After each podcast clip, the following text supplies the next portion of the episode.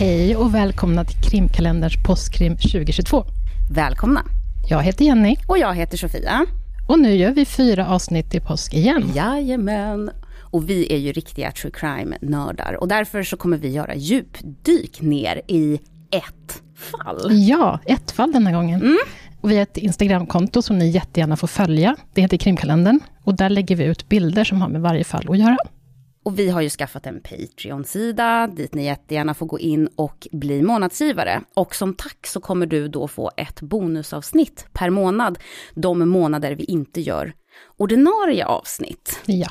Och idag så har ju vi faktiskt en gäst, Josefin Måhlén från Mördarpodden och Om det var du. Ja, Välkommen, välkommen. hit! ja tack! Och nu har jag ju Widerstedt berätt- och ja. Molén också. Ja, Den just tredje podden. Nej, vad sa du hette? Widerstedt och Molén. Men den eh, handlar inte om true crime. Det gör ju Tråkigt. inte om det var Nej, du jag skojar. heller. Ja. ja, men, lite, men det handlar om psykisk ohälsa. Okej. Lite sådär. Så att, eh, I ett avsnitt så intervjuar jag en stalker. Som har Är det Aha. sant? Men du, j- jätteintressant. Berätta lite mer, om, både om dig själv och Ja. dina tre poddar. Ja, nej men eh, ja, Mördarpodden eh, ju, handlar ju om true crime då, som jag har med Don Hörning. Mm. Om det var du, kan man väl säga, det är inte true crime, men det är historiska händelser. Det kan vara avsnitt om 9-11 till exempel. Eh, den, är, den är väldigt annorlunda i poddformat. Den, eh, eh, jag skriver ju manus och är informativ berättarröst. Eh, Erik Myrlund, som jag har den här tillsammans med, är, eh, skriver också manus och eh, är själva berättarröst då. Eh, Och det är som att vi- man lever sig in i en händelse. Så här, om det var du, Ja, om, man, om du själv hade Precis. varit här så hade du säkert upplevt det så här. Ja. Utifrån, baserat på verkliga händelser men också ehm, dramatiserat Exakt. utifrån eh, ett, ett åskådarperspektiv. Liksom. när man skriver de här manusen så är det att man tar vittnesberättelser och bygger en tidslinje med faktastolpar och sen så gör man det mer fiktivt för att det är du som lyssnar som är de här vittnena. Så att det de har berättat och det de har delat med sig av, det är det du får uppleva. Jag älskar att skriva Mm. åt, eh, om det var du, för att eh, det blir, man kommer så nära på Mm. något sätt. Mm. Och det gör man som lyssnare också. Ja, Ni borde gå in och lyssna. Jag tycker jättemycket om den. Den är super. Ja, vad roligt. Och Mördarpodden, det är ju det är också lite samma upplägg som du och jag har Jenny. Ja. Det är två stycken, men den är ju också mer true crime comedy. Ja, precis. Så att, eh, vill man ha det mer- lite mer lättsamt än Ja. vad Jenny och jag är, Ja. i den här podden i alla fall, så ska ni över och lyssna på den. Ja, och det är ju en vattendelare i true crime-världen, eller true Mm. crime-lyssnarvärlden. Mm. Om man tycker att eh, skratt är okej, eller Mm. om man sådär, men den är också väldigt hemsk. Mm. Så den har både det här att det eh, kan vara lite mörk humor i, men den är också väldigt grova. eh, Mm. Det är van, varningstext på, på alla avsnitt, kan man Ja, säga. Mm. du har ju skrivit, och nu ska vi se, Jag tror inte att jag har skrivit, eller det, Jo, det kommer kommer rätt. nu. Det kommer Ja. rätt. åh, så spännande. som, eh, som jag har skrivit manus till. Men Jenny har skrivit. Jag har skrivit några. Mr Copsey, Ja. och eh, även ett fall som kommer komma. Om en galen sektledare skulle man kunna kalla honom kanske. Ja. Exakt. Och det, det var riktigt intressant. Och så hade du en podd om psykisk ohälsa sa du också. Med eh, Hanna Widerstedt. Du, Okej. intressant. In och lyssna på dem allihopa helt Ja. enkelt. Josefin Måhlén, vad kul att du är här. Ja. Jättekul att vara här. Det känns som att vi är lite så här, eh, true crime podd-kollegor. Ja. Men vi har inte träffats jättemycket. Nej. Så det är väldigt trevligt. verkligen. Välkommen ska in i kojan. Men nu kör vi. Ja, det gör vi. Ja. Ja. Eh, jag har lite ljudklipp i det här, Mm. i det här avsnittet. Och de kommer alla från podcasten Snapped.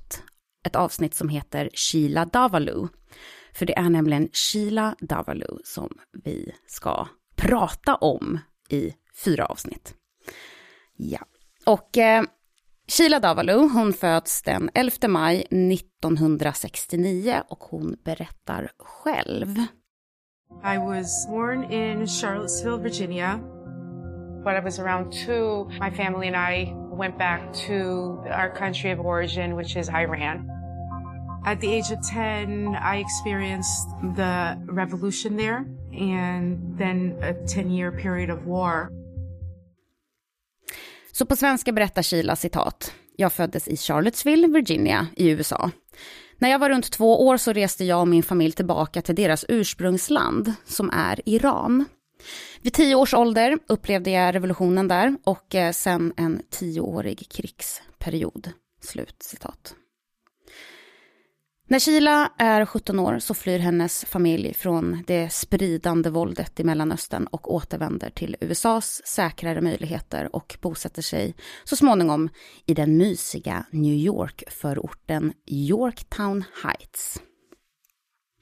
Hennes föräldrar är respektabla människor. De arbetar inom medicin och folkhälsa. Sheila följer i sina föräldrars fotspår när det kommer till utbildning. Hon är klok och intelligent, briljerar i skolan och eh, hon vill bli en vetenskapsman och arbeta med läkemedel. När året är 1994 och Sheila pluggar magisterprogrammet vid New York Medical College i Valhalla, New York, så lägger hon märke till en stilig studiekamrat vid namn Paul Christos. Sheila berättar. I was drawn to Paul um, mostly because of his intelligence. I found him very attractive. We hit it off. We had a lot in common. Så på svenska citat så säger Sheila. Jag drogs till Paul mest på grund av hans intelligens. Jag tyckte han var väldigt attraktiv. Det slog gnistor. Och vi hade mycket gemensamt. Slut citat. Sheila och Paul inleder ett förhållande och eh, Paul känner hur han äntligen har träffat någon som han liksom kan relatera till. Men Sheila döljer något stort för Paul. Hon har en enormt stor hemlighet. Sheila är nämligen gift. Hon har en man som bor i New York City. Sheila hade träffat sin man som heter Farid Mousavi när hon studerade för sin examen i biokemi på State University of New York, Stony Brook på Long Island.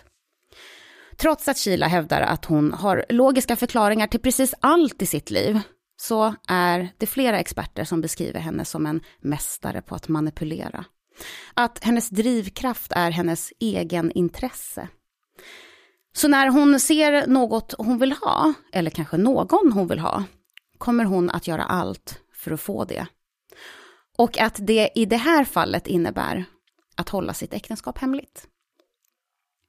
Hösten 1995, efter att ha dejtat Paul i mer än ett år, så avslöjas till slut sanningen om Kila. Maken Farid har på något sätt fått reda på sin frus affär, ringer Paul en helg då Kila själv är bortrest. Paul svarar. Farid presenterar sig som Kilas make och konstaterar, du träffar min fru. Paul blir förbluffad, som såklart inte vetat någonting alls om att kvinnan han dejtar är gift. De pratar lite och bestämmer sig för att träffas över en fika på stan. Och det är liksom ingen så konfrontation eller någonting Nej. Eh, sånt, utan det är så mer konstaterande. Sheila är gift med Farid, men tycks ändå ha inlett ett förhållande med Paul.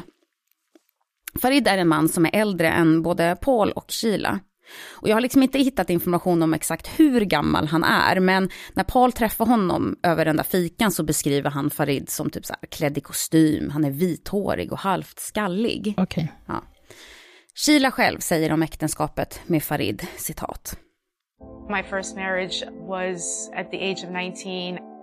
I mean, it wasn't uh, as happy and healthy. I was uh, not doing very well. I wanted more and I wanted to pursue my education. So it was not the best of the situation.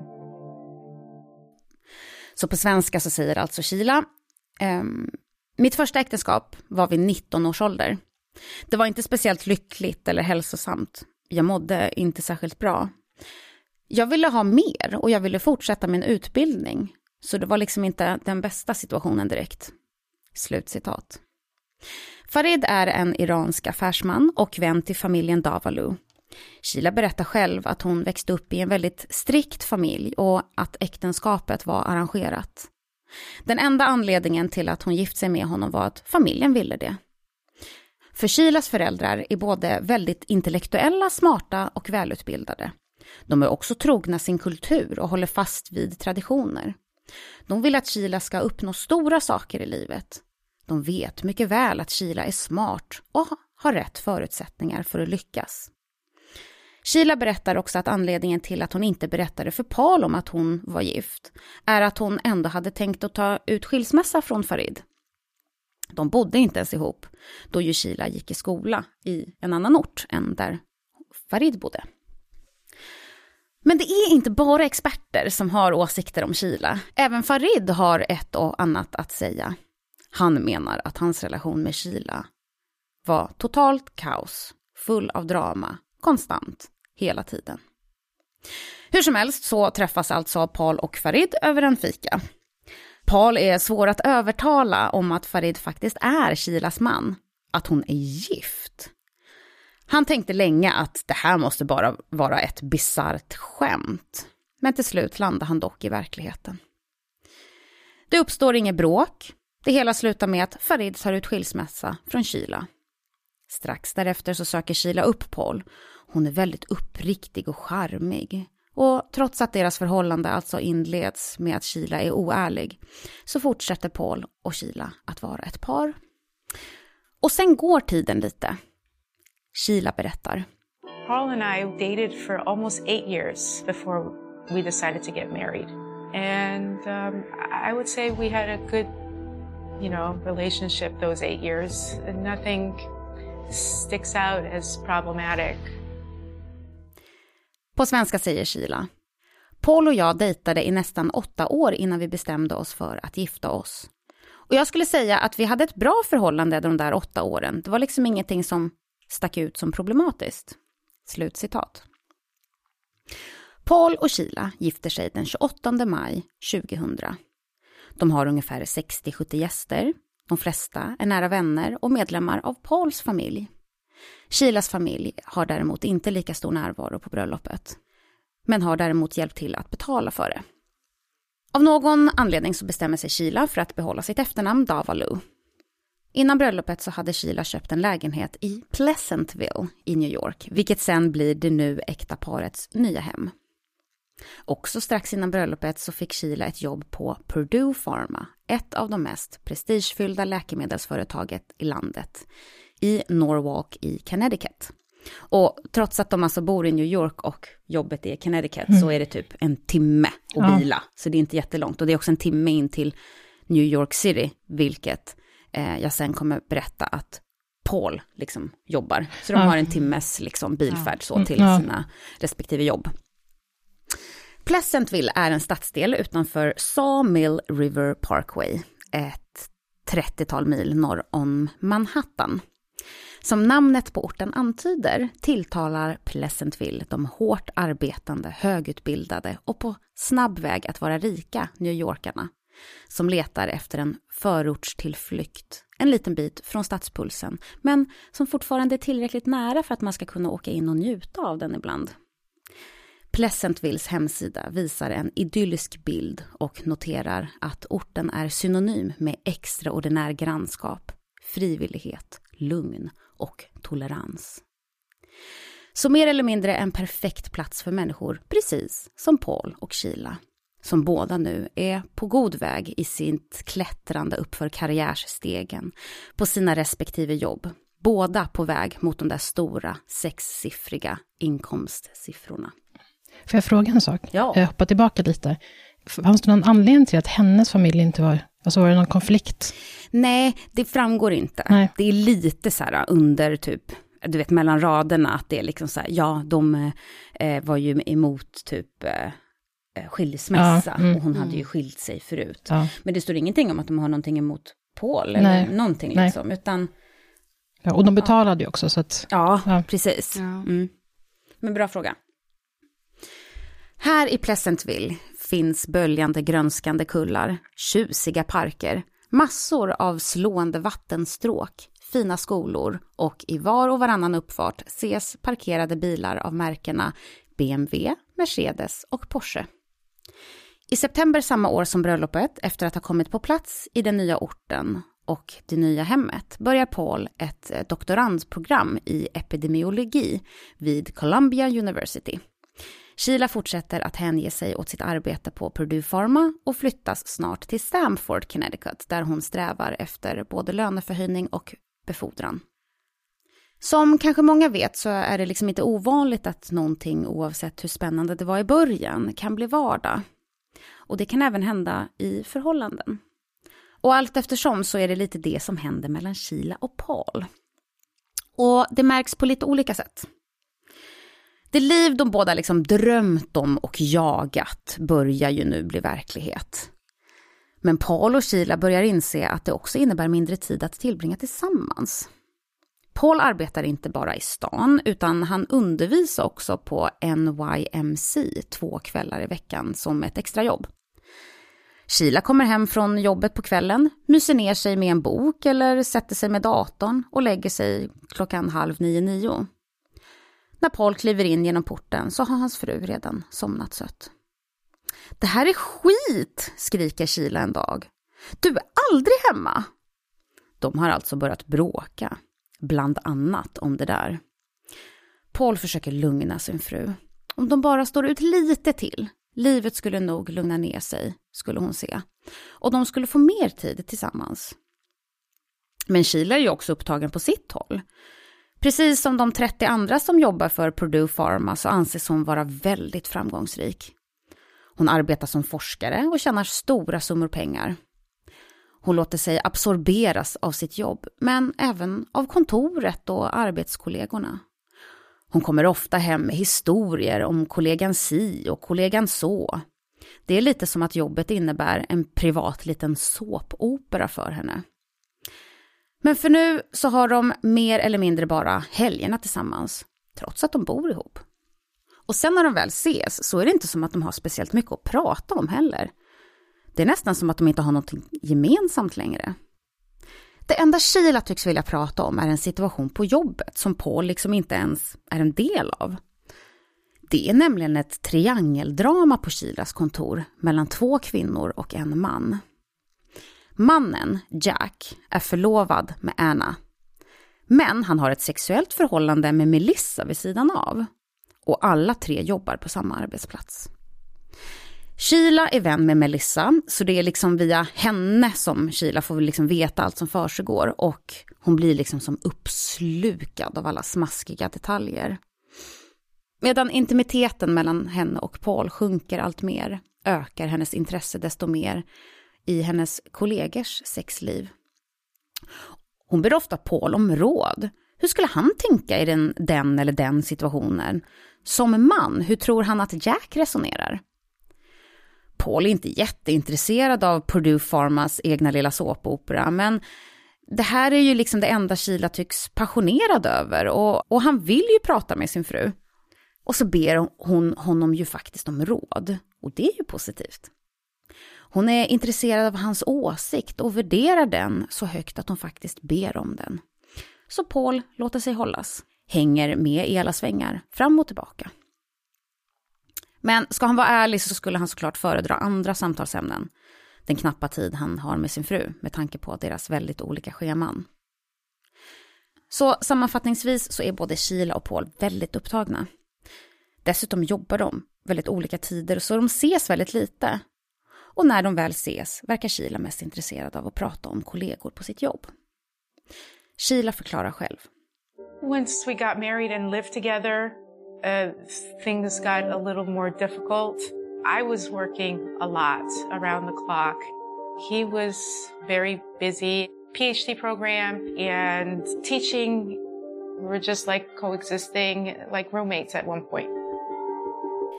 På svenska. När vi gifte oss och flyttade ihop så blev det lite svårare. Jag jobbade mycket på dygnets alla timmar och han var väldigt upptagen också. Forskarutbildning och undervisning. Vi var som samexisterande rumskamrater bara. Slut citat. Och det där med att de bara har helgerna ihop kommer snart att ändras. Till det sämre. Vid november 2001 så har Sheila dragit sig tillbaka från äktenskapet ännu mer. Och ska Paul vara ärlig så har han nog också gjort det. De har inte tid för varandra och när de väl tillbringar tid tillsammans så är det som en kall vägg mellan dem. Men så säger Sheila en kväll. Jag vill att min bror ska komma och hälsa på. Sheila har nämligen en funktionsvarierad bror. När helst Paul nämner brodern för Sheila så klickar hon. Hon gråter, skriker, men främst så känner hon skam för att inte kunna göra mer för sin bror. Det är helt klart en öm punkt för Sheila och Paul har svårt att liksom riktigt förstå varför. Han hade inte kommit på bröllopet, men när han fördes på tal så betedde sig de få av Shilas familjemedlemmar som dykt upp märkligt. Det är alltså inte bara för Sheila brodern är en öm punkt, det är liksom för hela familjen. Berätta om honom, uppmuntrar Paul Kila. Shilas bror är trots allt hans svåger. Hans familj också, han vill jättegärna hjälpa. Men så vill han ju gärna vara ett stöd för sin fru också. Men Kila berättar inget, utan börjar bara gråta. Och vad annars Paul ska kunna göra för att hjälpa har han ingen aning om. För faktum är att Shilas bror inte ens vet om att Paul existerar.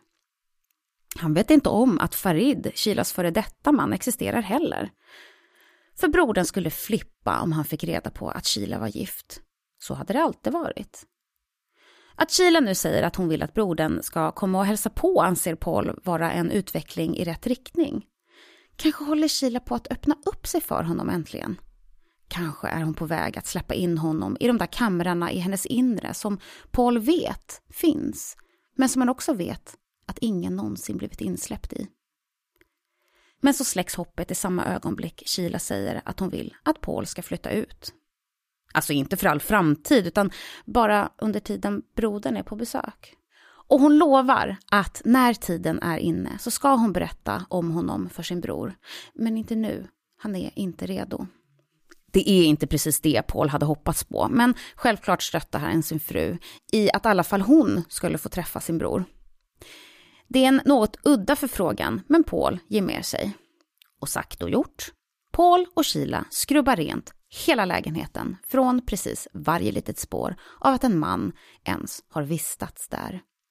Ingen hans badlakan, inga böcker, ingen mansdoft, ingenting. Paul som inte helt vet hur han ska förklara det här för sina föräldrar tar in på hotell istället för att bo hos sin familj. Han skäms. Men så har han ju massor att göra också, både jobb och plugg. En hel helg att koncentrera sig på allt han har att ordna är inte helt dåligt ändå. En liten fråga bara. Eh, Kör! vet Paul om att eh, brodern inte vet om att Paul ja. finns? Han vet ja. om det? Eh, precis, och det har alltid varit en grej liksom. Det är precis som att, jag, det, alltså det är så förklaras som att han är jättesvartsjuk. Mm. Som att han, eh, så. Eh, och exakt hur, alltså på vilket sätt han är funktionsvarierad vet jag heller inte. Jag tror Nej, att någon källa pratar om schizofreni. Men ja, just det, det har jag också sett. Ja, nej men det vet han om. Och det är därför han ser det som så här positivt. Att så här, åh, när hon säger jag vill att min bror ska komma och hälsa på. För då är det precis som att hon låter ju Paul in då. Ja. Och sen så, men så var det ju inte, utan hon vill att eh, hon vill träffa sin bror och bjuda in honom i sitt hem. Men i och med att brodern inte vet om att hon är gift så liksom skrubbar de rent hela lägenheten mm. från några spår av Paul. Han måste ju ta med sig allt, alltså kläder och allt. Alltså det jag föreställer mig är väl att han inte behöver ta med allt, men de är ju städar undan, städar undan allt, liksom, ja. mm. inne i garderoben. Ja, mm. ja. Det hade kanske varit lite jobbigare om en tjej flyttar ut. ja, tänker jag. Du ja. tänker att de har mer grejer? Ja, kanske. Ja, kanske lite. kanske, kanske. Men han är väldigt accepterande tycker ja. jag. Han låter mm. väldigt fin, mm. eh, kanske lite för sitt eget bästa. Mm. Eh, hon låter som att hon styr väldigt mycket. Kan så vara. Mm. Alltså hon, för, hon, hon, beskrivs ju lite som manipulerande då av, eh, jag kallar dem experter. Ja. Så, mm. det är många som har tyckt till om det här fallet om jag säger så. Ja, men, men man märker redan nu att hon är, ja, att hon har lite taktpinnen. Mm. lite så. Mycket. Det är väl inte alla som hade kanske gått med på det heller, just Nej. en sån grej. Mm. Ja, ja. Paul i alla fall, som sagt, han är ju inte jätteengagerad i äktenskapet själv. Det vill han liksom inte riktigt erkänna, men så är det. Det kan han titta tillbaka på i efterhand och säga att ja, men så var det. Besöket av brodern var en succé. Och allt eftersom tiden går så får Paul och Kila en rutin på upplägget. Paul tar in på hotell eller sover hos vänner en helg eller en vardagskväll, lite här och där. Ännu mindre tid ihop. Och med den än mer knappa tiden mellan Paul och Kila är det enda Sheila fortfarande tycks vilja prata om det där triangeldramat på jobbet med Jack, Anna och Kilas vän Melissa. Sheila är fortsatt intresserad av Pauls tankar och åsikter. Faktum är att det blir så viktigt för Sheila att hon verkar liksom helt fixerad vid det. Hon pressar honom att svara på hennes frågor. Hon liksom bara var tvungen att få råd från honom att ge vidare till Melissa på jobbet dagen efter. Och igen vill Paul såklart hellre prata om någonting annat. Men det blir inget av. Nej, det blir faktiskt värre. En kväll, när båda är hemma i lägenheten i Pleasantville, så frågar Sheila om Paul inte skulle kunna hjälpa henne med en grej. Hon förklarar hur Melissa har fått tag i Jacks lösenord till hans telefonsvarare och Melissa hade låtit Sheila lyssna på några av hans meddelanden. Paul är förbluffad, men även lite fascinerad. Nu vill Sheila att Paul ska lyssna på ett meddelande i telefonsvararen från Anna och ge sin åsikt om det hela. Paul är obekväm, men ger till slut med sig. Han lägger luren mot örat och säger okej, spela upp det. Sheila loggar in på Jacks telefonsvarare och spelar upp meddelandet. Det lyder. Hey honey, it's Anna-Lisa. Was wondering when you're coming over. Bye bye! På svenska. Hej älskling, det är Anna-Lisa. Jag undrar när du kommer hit. Hej då! Och det var allt. Vad vill du veta? frågar Paul medan han lägger på luren. Hennes röst, svarar Sheila. Vad tycker du om hennes röst? Sheila är både frustrerad och otålig. Varför vet inte Paul. Det måste liksom finnas någon ledtråd, någon antydan i rösten om hur deras relation står till. Vilken konstig fråga, tycker Paul, som med ens börjar fundera på om Sheila på något konstigt sätt börjat leva sitt liv genom Melissa. Hade hon ett så tråkigt liv att hon kände sig tvungen att anamma någon annans? Han frågar, varför bryr du dig så mycket om det här triangeldramat, Sheila? Några åsikter om Annas röst från Paul framkommer inte. Sen hände nästa grej. Paul hade under 1990-talet varit en stor beundrare av tv-serien X-Files när Fox-serien pikade i popularitet. När han senare i livet fick frågan varför han hade ett par glasögon för mörkerseende tänkte Paul att ingen kommer tro mig. Men det är alltså sant. Paul äger ett par glasögon för mörkerseende på grund av sin fascination med tv-serien X-Files. Han hade beställt dem via en katalog.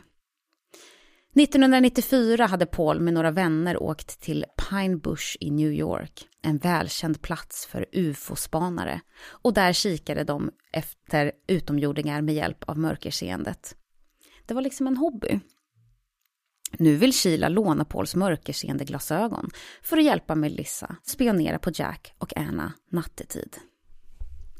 Inte nog med det. En kväll säger Sheila att Melissa har köpt ett dyrkset. Ett vad? frågar Paul förvånat. Sheila svarar att Melissa vill ta sig in i Annas lägenhet under tagtid när hon inte är hemma. Varför då? frågar Paul, både bestört och orolig över det han hör. Ja, för att få en bild och en känsla av Jacks relation med Anna, svarar Sheila. Paul säger förstås till Sheila att det här är en riktigt, riktigt dålig idé. Det här är tveklöst ett brott. Ett inbrott. Om hon blir tillfångatagen skulle hon troligen hamna i en väldigt knepig situation. Trots Pauls reaktion så börjar Sheila öva sina dyrkarkunskaper på den bakre altandörren. Paul är minst sagt något irriterad över sin frus besatthet ibland, men eftersom det verkar vara det enda ämnet som väcker samtal mellan honom och Sheila så fortsätter han att engagera sig och skvallrar med henne. I slutändan så är det ingen som lyckas bryta sig in hos Erna. Dyrkverktygen var billiga och fungerade inte. Vilken tur. Så.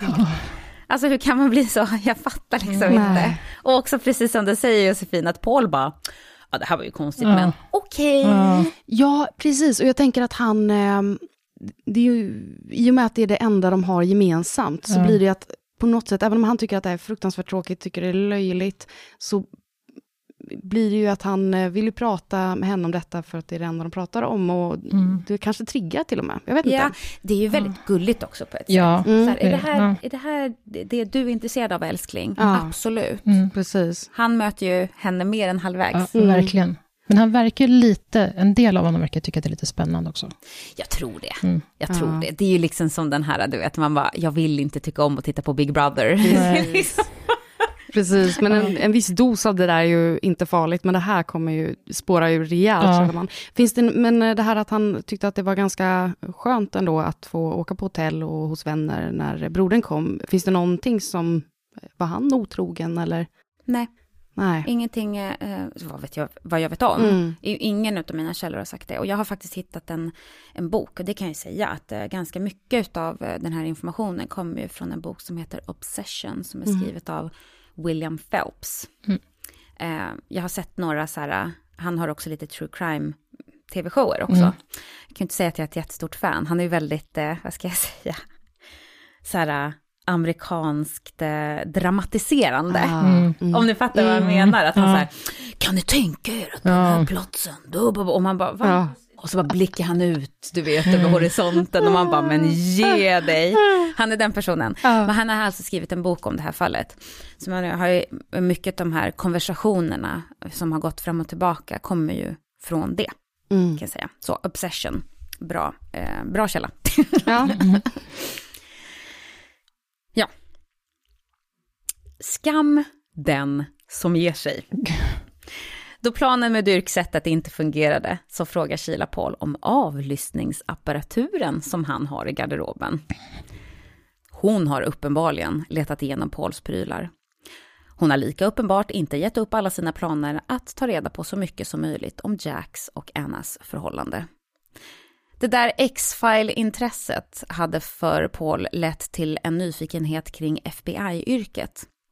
I slutändan så blev det ju ingenting av det, men innan planen lades helt på hyllan så hade Paul alltså införskaffat inte bara mörkerseende glasögon, utan även någon slags avlyssningsutrustning. Även det något som han hade hittat i en katalog. Utrustningen var för buggning och nu vill Sheila alltså låna utrustningen till Melissa, så hon kan lyssna av Jacks konversationer i hans kontor. Sheila tittar bönande på Paul. Hon säger, en sista grej bara. Kom igen, snälla. Paul ger med sig, tar ut apparaten ur lådan och visar Sheila hur den fungerar. Några dagar senare lämnar Sheila tillbaka utrustningen och säger att det inte hade fungerat. Istället för att ge sig så beställer Sheila en annan buggningsutrustning från samma tillverkare. Telefonnumret fanns nämligen på baksidan av Pauls utrustning. Den nya mackapären är som en så här bandinspelningsapparat som kan monteras på ett telefonuttag i väggen och som sen spelar in alla samtal, både utgående och inkommande. Lite tid passerar. Sheila kommer hem även med den nya utrustningen och rapporterar att det inte hade funkat heller. Efter att ha klagat hos tillverkaren får Sheila reda på att det antagligen är på grund av säkerhet inom kontorsbyggnader. Efter så många misslyckanden tycks Sheila fokusera på annat och hösten 2002 verkar hon faktiskt ha släppt kärleksdramat på jobbet lite. Hon pratar i alla fall inte lika mycket om det med Paul. När november fortskred mot Thanksgiving-helgen hade triangeldramats ton och karaktär ur Kilas synvinkel förändrats anmärkningsvärt. Sheila har blivit lite passiv och tystare när det gäller Melissa och Jacks förhållande och dramat med Anna. Det hade definitivt skett en förändring i dynamiken. Och det är glädjande för Paul att inte behöva lyssna på den här berättelsen kväll efter kväll efter kväll. Men han kan inte låta bli att vara nyfiken på varför allt prat om den hade slutat så abrupt. Sen en kväll, nu, ni är också nyfikna, nu ser jag. Ja. Båda två bara, berätta då! Ja, det här är super... Nej, vänta, jag ska Ja. bara dricka lite kaffe. Och du berättade väldigt bra. Ja, herregud, jag måste Ja. säga det så här. Shit, eh, vilket bra manus. Är jättebra Ja. berättat. Sen en kväll tar Sheila upp dramat ytterligare en gång. Hon säger Jack och Anna har gjort slut. Oj, svarar Paul.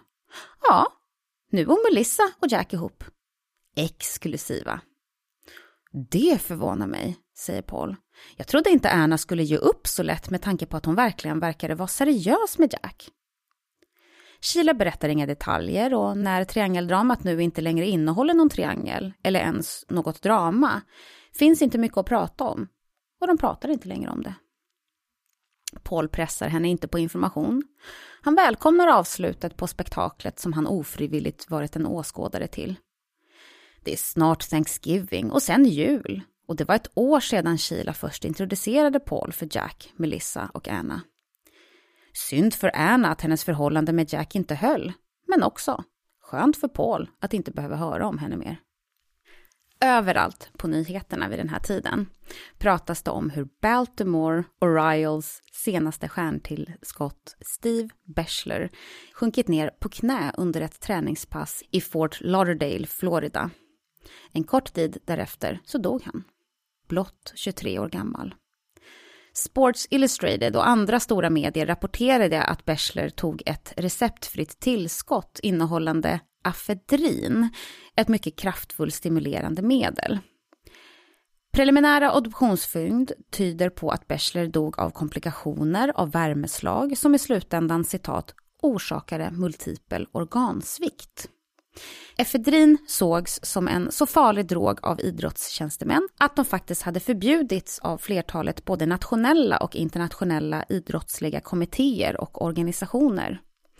Major League Baseball tillät dock spelarna fortsatt använda dem. Det fastställdes snart att det faktiskt var efedrinet som till stor del hade bidragit till Bechlers död.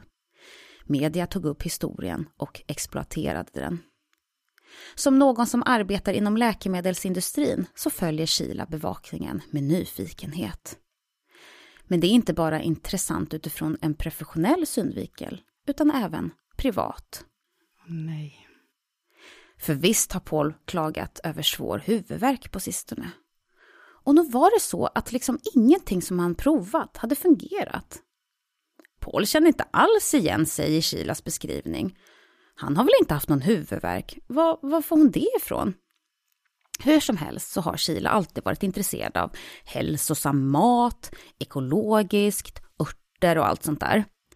Och genom äktenskapets gång så har hon försökt få Paul att äta och leva hälsosammare. En dag presenterar Kila sin nya idé för Paul. Jag har lite vitaminer och kosttillskott som skulle vara jättebra för dig att äta. Jag fick dem hos min örtkännare. Paul tittar på den genomskinliga plastpåsen Kila har med sig. Pillerna är ljusgula, ligger inte i någon markerad behållare och har heller ingen annan etikett som indikerar vad det faktiskt är. Men visst, Paul litar på sin fru. Örter och kosttillskott, upprepar Kila. Paul tycker inte det är jättekonstigt egentligen. Han vet att Kila är intresserad av alternativmedicinska botemedel. Det är liksom inte olikt henne alls att komma hem och tillkännage något nytt naturligt botemedel för att bli av med dittan eller dattan. Okej, du måste ta mellan 8 och 10 av pillerna, enligt min örtläkare, föreslår Kila. Paul som tror att han gör någonting bra för sin kropp, lyder. Kanske kommer det att sänka hans kolesterol som han har börjat försöka hålla ett öga på. Han tar ungefär åtta av dem, där, rakt framför Kila, medan hon tittar på. Det dröjer inte länge förrän Pauls hjärta börjar rusa. Mm. Han är uppe hela natten, hjärtat går i 180 och han mår illa. Han kan inte sova. Han kan inte ens tänka klart. Pauls hjärta dunkar våldsamt i bröstet medan han ligger på rygg och stirrar i taket. Efter att hans kropp lugnat ner sig går Paul till Kila och säger Du, jag tror att de där pillerna gjorde mig sjuk. Kila verkar uppriktigt orolig. Jag kan inte förstå varför, säger hon. Det dröjer bara några dagar innan Kila återigen kommer hem med en påse piller. En ny påse piller. Hon berättar att hon har varit hos sin örtläkare igen och förklarar vad som hänt. De här, säger hon och räcker över den nya påsen piller. De här är omformulerade, ät dem. Den här gången är Paul lite nervös och stirrar på påsen. Men han litar ju på Kila. Ja, visst har de problem, men i den här situationen är det ju uppenbart att hon bara försöker hjälpa. För vad är alternativet? Att hon medvetet försöker göra honom sjuk? Nej, så är det naturligtvis inte. Jag tar bara fem den här gången, säger han till slut. Okej, svarar Kila. Sagt och gjort. Innan Paul går till gymmet sväljer han fem piller med lite vatten. Men på löpbandet kommer samma symptom tillbaka som han haft sist. Pauls hjärta dunkar så hårt att det känns som att det ska explodera. Han känner sig illamående resten av dagen och har absolut ingen aptit. Han och Sheila äter senare på kvällen middag med Pauls föräldrar för att fira hans födelsedag och han lyckas inte få i sig maten på grund av illamåendet. Paul säger till Sheila, pillerna gjorde mig sjuk. Jag kommer inte äta fler. Absolut, jag försöker bara hjälpa dig Paul, svarar Sheila, som sen släpper sina försök att få Paul att äta piller. Hon slänger påsen med piller i en kökslåda och nämner dem aldrig igen. Senare, efter att poliserna av andra anledningar ombeds att gå in i lägenheten och leta, så hittas en påse med vad som fastställs vara bantningspiller innehållande efedrin i en av kökslådorna. Kila hade alltså försökt få sin man att äta efedrin på hans egen födelsedag dessutom. Trots att hon med tanke på hur mycket det pratades om det i nyheterna måste ha vetat hur farligt det var. Eller kanske var det just därför. Det känns inte som att 8-10 tabletter är liksom den vanliga dosen heller. Nej, Eh, Nej, precis. Nej, precis. Ta dem på en gång också. Ja. Det, det är bäst effekt. Mm. Alvedon, jag brukar ta en eller två, nej jag Ja. tar åtta. Ja, Ja, precis. precis. Hon erkände det till och med för en nära vän på något subtilt sätt. Någon dag efter att Paul hade haft de kraftiga reaktionerna så berättade hon för vännen hur hon hade gett Paul fem efedrapiller som hon hade tagit hem från jobbet och att hon dessutom hade sagt åt honom att ta alla på en gång. Hade Kila erkänt för sin vän att hon försökt framkalla en hjärtattack på Paul? Det verkar så. När försöket med bantningspillerna inte blev som hon hade planerat så inser Kila att hon be behövde komma på ett annat sätt. Något mer effektivt och felsäkert. Ett sätt som gjorde att hon kunde ha mer kontroll över situationen. Men vännen, eh, gjorde inte vännen någonting? Gick till polisen eller? Tyckte Nej. det var helt okej? Nej, alltså det, de, fram, de framställer det som att det var lite så här i förbifarten eller liksom subtilt. Jag försökte ha ihjäl min man igår. Ja, precis. När man säger, ah, men Ja, jag, ses jag, jag tyckte att min, eh, du vet, jag försökte få min man att äta så här lite piller som jag har tagit hem dem från jobbet. Så Ja. hon säger ju inte så här, jag försökte mörda min Nej, man, nej, utan så, nej. jag försökte få min Mm. man att äta piller. Så det var ju ett erkännande, men kanske inte vad hennes eh, uppsåt var. Nej, och det kanske är någonting som kommer som lite en chock för vännen och tänker att jag måste ha missförstått det där. Ja. För det sätt. har ju vi pratat om också. Att Ja. du vet, vi sitter här och vi vet vad det är för podd vi spelar in Ja. för. Mm. Vi, man bara, men gode tid. Ja. Hur kan du inte förstå att den här kvinnan försöker mörda dig, du vet. Men så bara, fast i verkligen så, man Nej. gör ju inte det. Nej. Precis. Och någonting som jag har tänkt på ofta är det här att ofta så har man ju en känsla av att något är fel.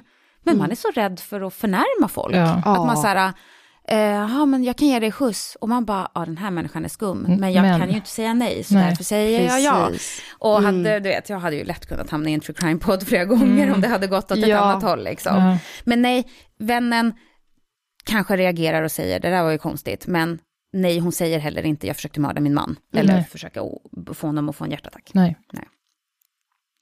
Trots att Sheila nu antagligen utsatt sin man för inte bara ett utan två mordförsök anar Paul ingenting. Han litar på Sheila. Och vem egentligen skulle ana att den man är gift med skulle försöka mörda en? Ja, det stod till och med i mitt manus, ja, det ja. passade lite. Mm. Så Sheila drabbas inte av några konsekvenser av misslyckandet alls, vilket lite ger henne grönt ljus för att försöka igen. Sheila går tillbaka till skissbordet och den här nya planen hon snart har designat är idiotsäker. Utan tvekan, det här skulle fungera. Men det får ni höra om Åh. Ah.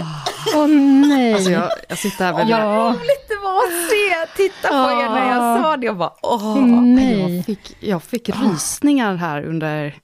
eh, Jag tycker det, det är det, här som jag både älskar och tycker är obehagligt med true crime. Det är precis sådana här stunder där man känner starkt obehag, obehag för en människas personlighet. Ja. Och man känner att det här kommer inte gå vägen. Åh, hur vilka rysningar jag fick. Ja. Så är det. Ja. Ja, hörni.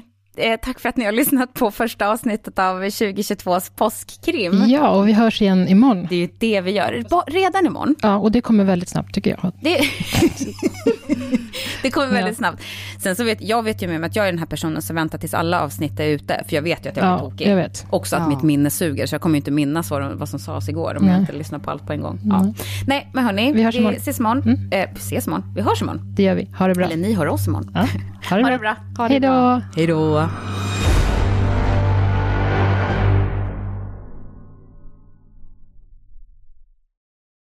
Även om jag vet om det här fallet så är det superspännande.